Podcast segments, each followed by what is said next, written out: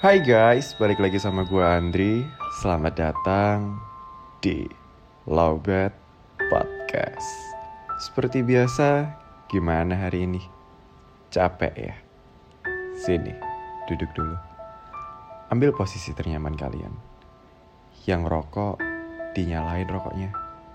Yang ngopi, dinikmati kopinya. By the way, tau gak sih guys, kalau selama ini gue tuh produksi Lobet Podcast pakai Anchor.fm.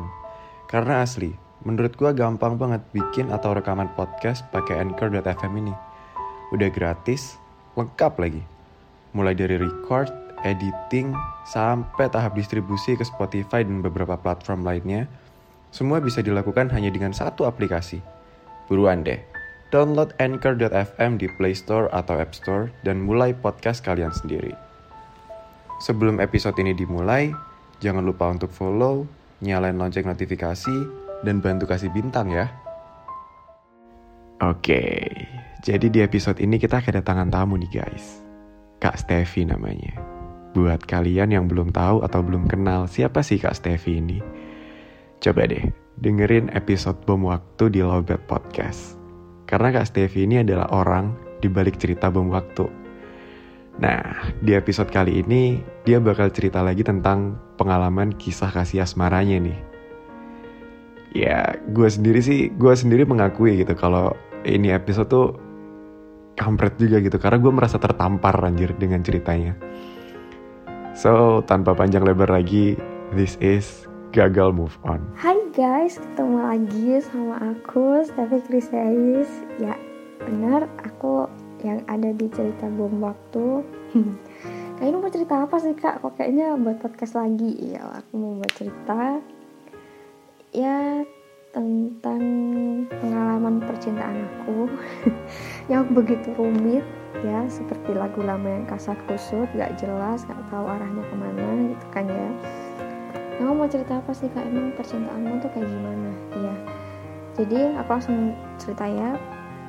Percintaanku itu sebenarnya rumit ke orang-orang itu itu aja. Gitu. Cuma yang satu ini memang berkesan banget. Bukan berkesan sih sebenarnya. Menurut aku yang nggak bisa aku lupain dan aku teringat kembali kejadian itu tuh gara-gara lagunya Joji yang sekarang ini baru tren Climb of Us. Emang kamu di posisinya Joji? Enggak aku nggak di posisinya Joji. Tapi aku di posisinya pacar barunya Joji. Kayak gitu. Oke jadi aku langsung cerita ya. Singkat cerita aku kenal sama cowok ini. Ya sebut aja namanya Arka ya. Aku bakal sensor namanya jadi pakai nama samaran. Nama samarannya Arka. Sebenarnya namanya bukan Arka gitu kan ya Singkat cerita, aku sempat ketemu Arka dan kenal Arka itu lewat aplikasi Gojek. Ya, jadi dia dulu supir Gojek, Gojek motor ya. Dan nggak tahu kenapa kok tiba-tiba nyantolnya ke dia gitu loh. Akhirnya kita sepanjang jalan itu ngobrol, ngobrol. Dan singkat cerita dia minta izinku kayak aku pikirnya ya udahlah buat temenan juga kan nggak masalah gitu. Dan akhirnya berjalannya waktu selama beberapa bulan gitu kan. Dan kebetulan tuh pas aku tuh lagi pulang kampung tiba-tiba nge-DM aku kayak eh ngajak keluar yuk. Ngajak aku makan kayak gitu. Eh makan yuk. Terus aku bilang aduh aku belum balik nih. Kayak masih pulang kampung gitu. Oh baliknya kapan? Gitu basa-basi gitu. Dan singkat cerita dia minta WA aku singkat cerita minta aku ya udah aku kasih. Dan itu memang belum intens aku cacatannya. Mulai intens tuh ketika aku balik ke kota tempat aku kuliah.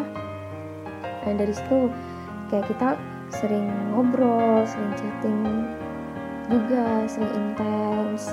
Terus video call sering keluar bareng kayak gitu.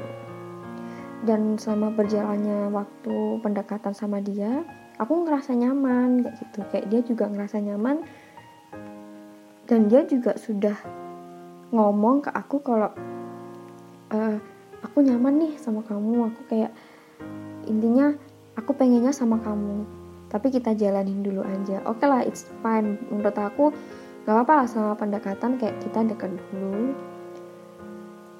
dan mengenal satu sama lain gitu. Nah jadi selama berjalannya waktu akhirnya dia dia pamit ke aku. Aku mau ke luar kota nih ke Wonosobo apa ke mana gitu aku lupa. Dia intinya mau ketemu sama teman-teman lamanya oke ketemu temu sama teman-teman lamanya terus aku bilang kalau LDR jaga hati jaga jaga diri juga jangan aneh-aneh. Aku selalu pesen kayak gitu kayak setiap kali dia mau ke mana pun kayak selalu bilang hati-hati jangan aneh-aneh jangan nakal jaga hati gitu singkat cerita kita sering vecean tuh kayak aku tuh dulu tuh memang childish banget ya kayak nggak ada kabar dari dia tuh kayaknya tuh aduh nih orang tuh ngapain? Kayak gitu aneh-aneh enggak nah apalagi tipe dia tuh dia suka ngegame gitu loh apalagi kan setiap kali aku kayak pengen ngobrol tapi dia sibuk ngegame gitu kan. Nah waktu itu pas dia VC sama aku entah kenapa temannya tuh bilang nama mantannya gitu ya aku sensor juga ya anggap aja nama mantannya tuh Susi. Eh Susi Susi balikan ya sama Susi balikan sama Susi gitu. Nah dari situ mungkin aku mikirnya kayak oh paling cuma bercanda. Tapi kayak dalam hati tuh kayak ganjel gitu loh. Terus makin hari berjalan pas LDR itu nggak taunya aku sakit.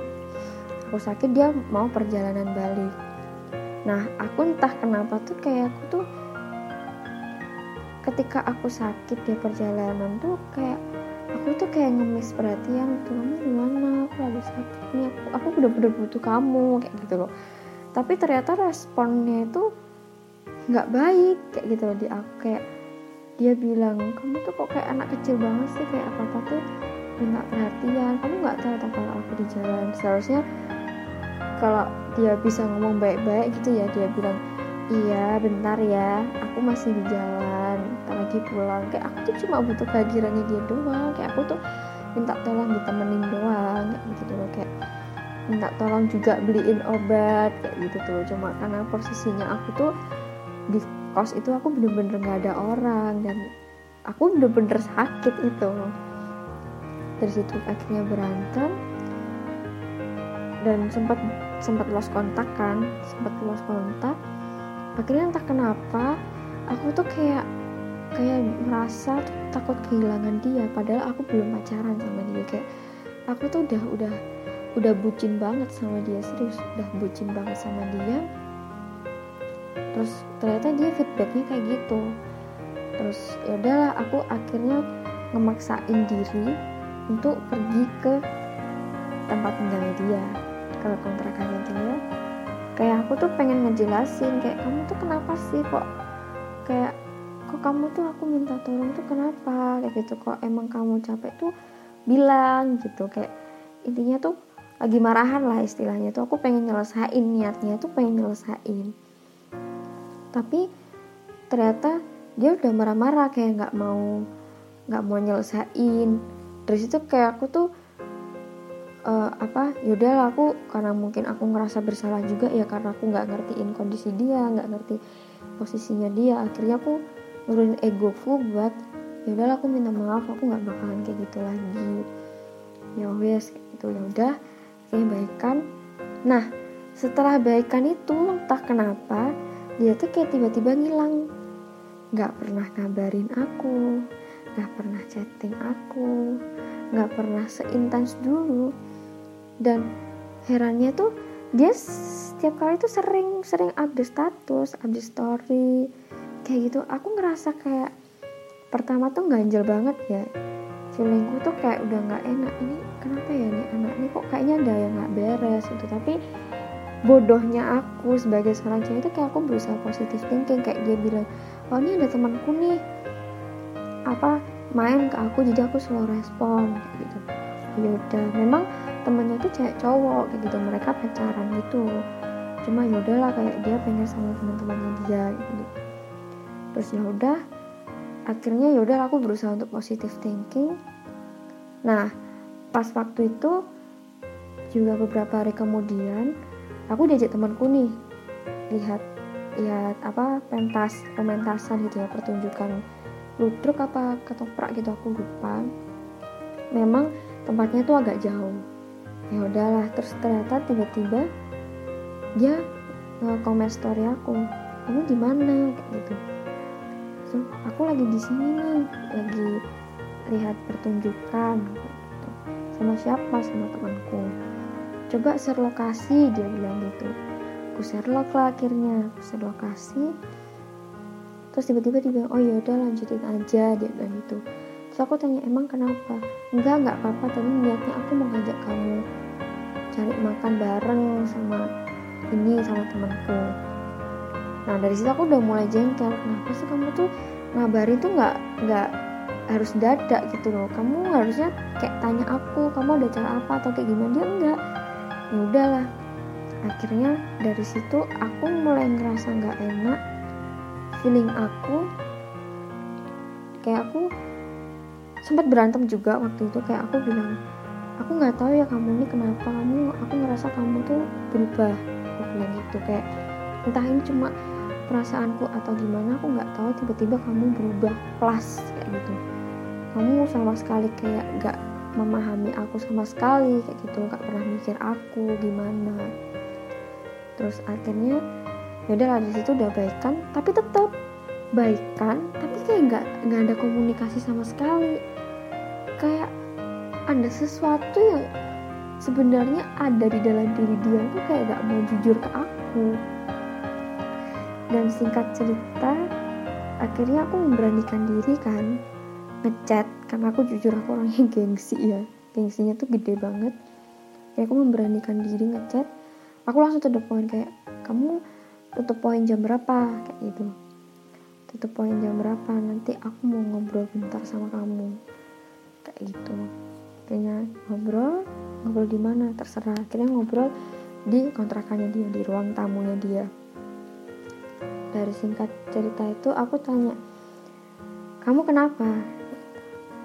Kamu akhir-akhir ini tuh kayak nggak sering nggak ngabarin aku bukan sering udah nggak pernah ngabarin aku. Terus ngabar-ngabarin kamu dadak ngajakin aku keluar.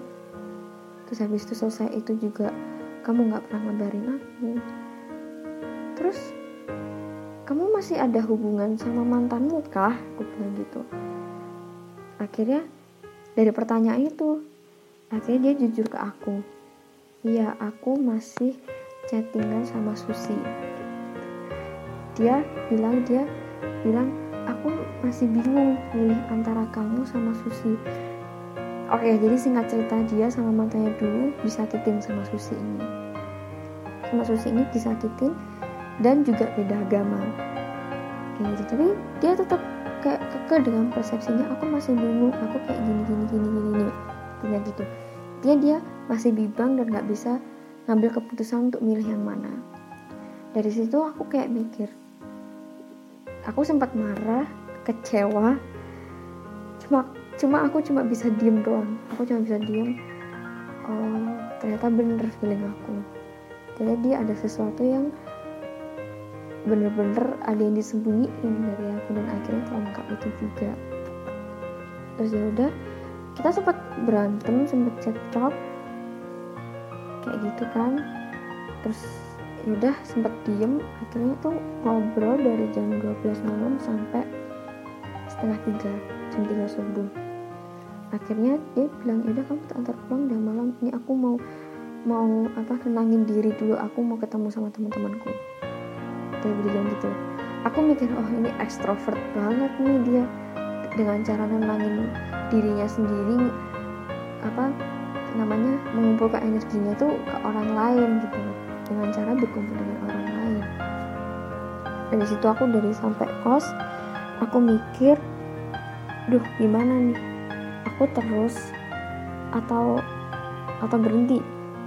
Kayak gitu. Karena jujur semalam itu kayak aku tuh overthinking kayak apa ya berdebat tuh antara hati sama pikiran tuh akhirnya dari segala beberapa jam kemudian akhirnya hati dan pikiranku sepakat untuk mundur.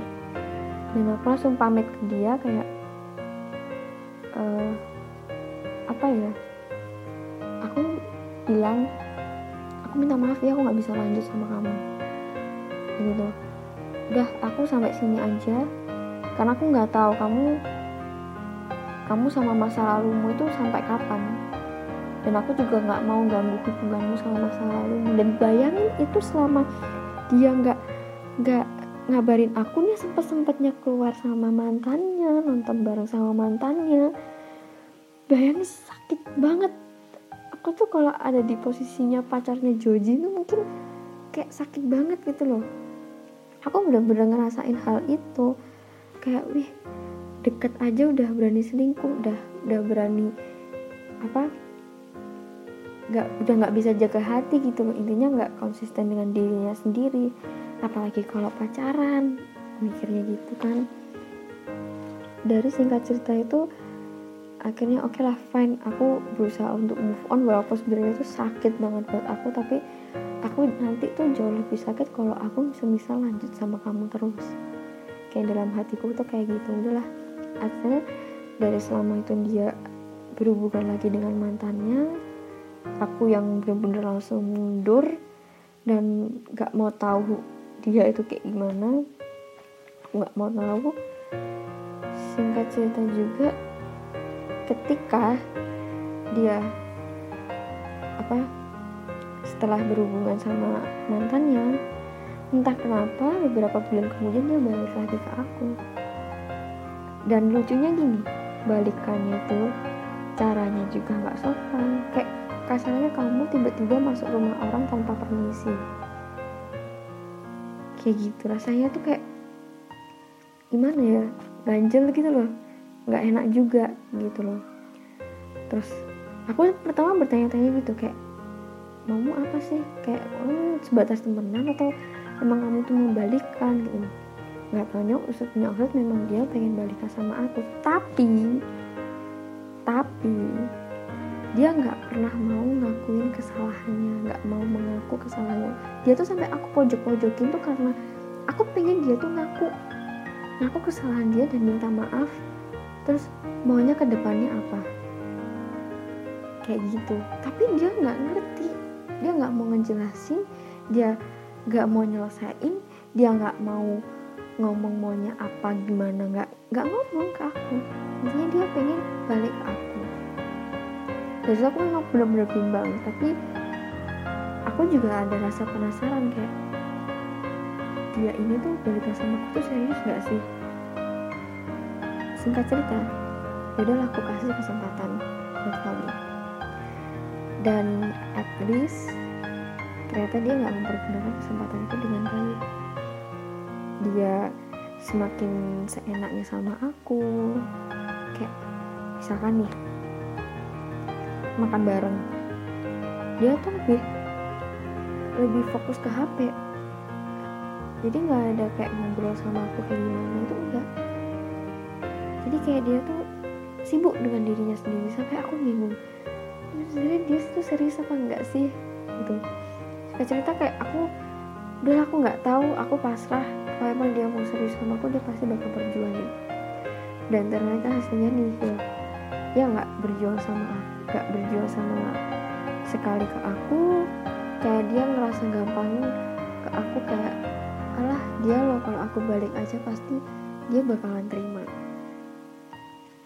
Dan itu ketika aku merasakan hal itu juga sakit juga. Dan lucunya lucunya ketika udah gak deket ya nah aku udah gak deket sama dia.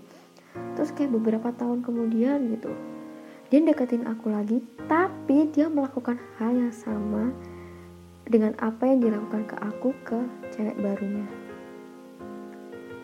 Dejavu banget sih dia tuh. Sampai akhirnya aku tahu dia kayaknya bukan cowok yang serius buat aku. Dan ya seperti itu. Akhirnya aku ngejauhin dia lagi karena aku nggak mau ganggu hubungan dia sama wanita barunya dia. Kayak gitu. Jadi apa ya pesan aku dari ceritaku ini kalau kalian belum selesai dengan masa lalumu janganlah kamu bawa ke orang baru terus kamu buat lampiasin buat ngelupain dia terus tiba-tiba kamu ternyata nggak bisa ngelupain terus kamu nyakitin orang barumu itu sakit banget. Lagi melakukan hal yang sama yang pernah kamu lakuin tapi ke orang yang berbeda. Yang buat Arka ya aku harap kamu bahagia ya karena kamu udah udah tunangan juga dan kamu udah mau nikah. Aku harap kamu bahagia aku harap juga kamu bisa bertanggung jawab dengan pilihan kamu. Aku harap juga kamu bisa menjadi laki-laki yang tanggung jawab bisa menjadi laki-laki yang baik bisa menjadi seorang ayah yang baik kelak. Intinya jangan sampai anak perempuanmu juga mengalami hal yang sama kayak aku. Itu menyakitkan sekali. Jadi buat Arka selalu bahagia sama pasanganmu yang baru. Ya aku bersyukur sih bersyukurnya dia aku kayak akhirnya nggak jadi sama kamu Arka. Aku jauh lebih beruntung untuk nggak jadi sama kamu karena aku mungkin ngerti di umur kamu sekarang yang udah lumayan ya udah waktunya nikah pasti kamu juga dituntut juga sama orang tuamu kapan kamu nikah. Kamu udah umur segini masa gak nikah nikah ya aku tau lah aku lebih sadar posisi juga apalagi di sisi lain aku juga belum siap nikah. Jadi ya aku lebih ya udah lega aja buat Arka. Kalau kamu dengerin podcast ini kamu nggak perlu hubungin aku lagi kamu nggak perlu minta maaf aku kamu nggak perlu uh, menjelaskan dan menyelesaikannya itu nggak perlu. Kita udah selesai nggak perlu ada yang perlu dijelaskan semuanya udah jelas. Tanpa kamu harus menjelaskan apa-apa dari kata-katamu itu jadi buat para cewek juga hati-hati dilihat cowoknya dia udah selesai belum sama masalahnya. Kalau cowok kamu belum selesai sama masalahnya udah stop nggak usah dilanjut. Karena itu akan menyakiti kamu. Dan buat cowok-cowok kalau kamu belum istilahnya belum bisa move on dan kamu belum belum selesai dengan masa lalu jangan cari cewek baru. Jangan pernah cari orang baru. Kasihan orang baru yang udah kasih effort lebih ke kamu tapi feedback kamu nggak se-effort yang orang baru yang dia kasih ke kamu. Jadi pesan aku ya harus selesai masa lalumu kalau kamu ingin memulai dengan orang yang baru. Jangan bawa-bawa masa lalu kamu ke orang yang baru.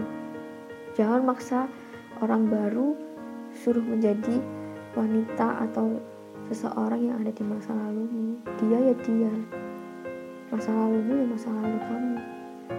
Yang nggak bisa kamu samain dan juga nggak bisa kamu beda-bedain.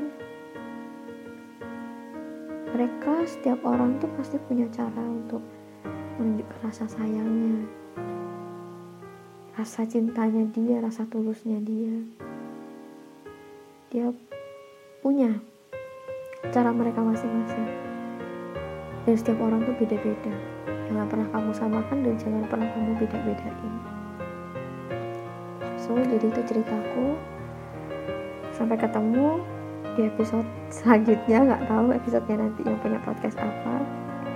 Semoga dari ceritaku ini bisa buat kalian juga sadar sadar dan lebih hati-hati terutama untuk cewek hati-hati ya karena cewek tuh jauh lebih susah untuk meyakinkan diri sendiri ya kan oke sekian dari aku thank you udah dengerin and goodbye Nah, itu tadi cerita dari Kak Stevi guys. Gimana nih? Ada yang merasa relate nggak? Atau jangan-jangan malah merasa tertampar? Karena asli, kalau gue sendiri sih gue merasa tertampar gitu. Karena emang dulu gue lebih memilih untuk move on sambil jalanin hubungan baru gitu. Tapi nggak tahu kenapa, ternyata itu lebih menyakitkan daripada move on sendirian.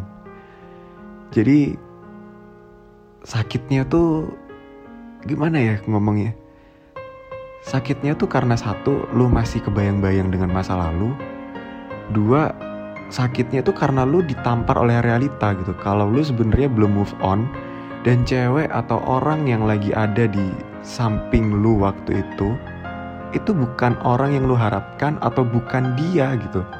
Bukan apa ya orang yang lu ekspektasikan untuk melakukan hal itu. Nah jadi double-double gitu kan sakitnya. Udah sakit karena terbayang masa lalu, sakit karena tertampar realita juga gitu. Akhirnya dari situ gue memutuskan untuk oke okay lah, mau sesakit apa pun, gue harus move on dulu gitu. Gue harus selesai dengan masa lalu gue 100% dulu sebelum gue memutuskan untuk memulai hubungan yang baru dengan orang lain. Karena apa ya? Memang sakit, sakit banget. Lu harus face the truth kalau lu udah gak sama mantan atau lu harus dengan sadar melakukan hal-hal yang biasanya lu lakuin dengan mantan tapi sekarang harus lu lakuin sendirian gitu. Tapi ya gimana? Kita akan terbiasa juga kan dengan hal itu pada akhirnya. Lagian kalau ngomongin move on, cara move on tercepat menurut gue adalah dengan face the truth gitu loh. Jangan lari. Karena semakin kalian lari, semakin kalian tuh jauh dari kata move on. Semakin kalian susah untuk merasa terbiasa. Karena sebenarnya move on tuh bukan tentang melupakan, tapi tentang mengikhlaskan, merubah kisah pahit menjadi kenangan manis. Kalian bisa dikatakan move on kalau kalian tuh udah berada di titik di mana kalau kalian nginget kenangan bareng mantan, itu udah bukan jadi sesuatu yang pahit lagi. Tapi kalian akan mengingat hal itu sebagai kenangan manis atau kenangan yang lucu bahkan. Trust me guys, lari dari masalah itu lebih menyakitkan daripada kalian harus face the truth. Jadi kalau saran gue sih, jalanin aja. What will be will be gitu.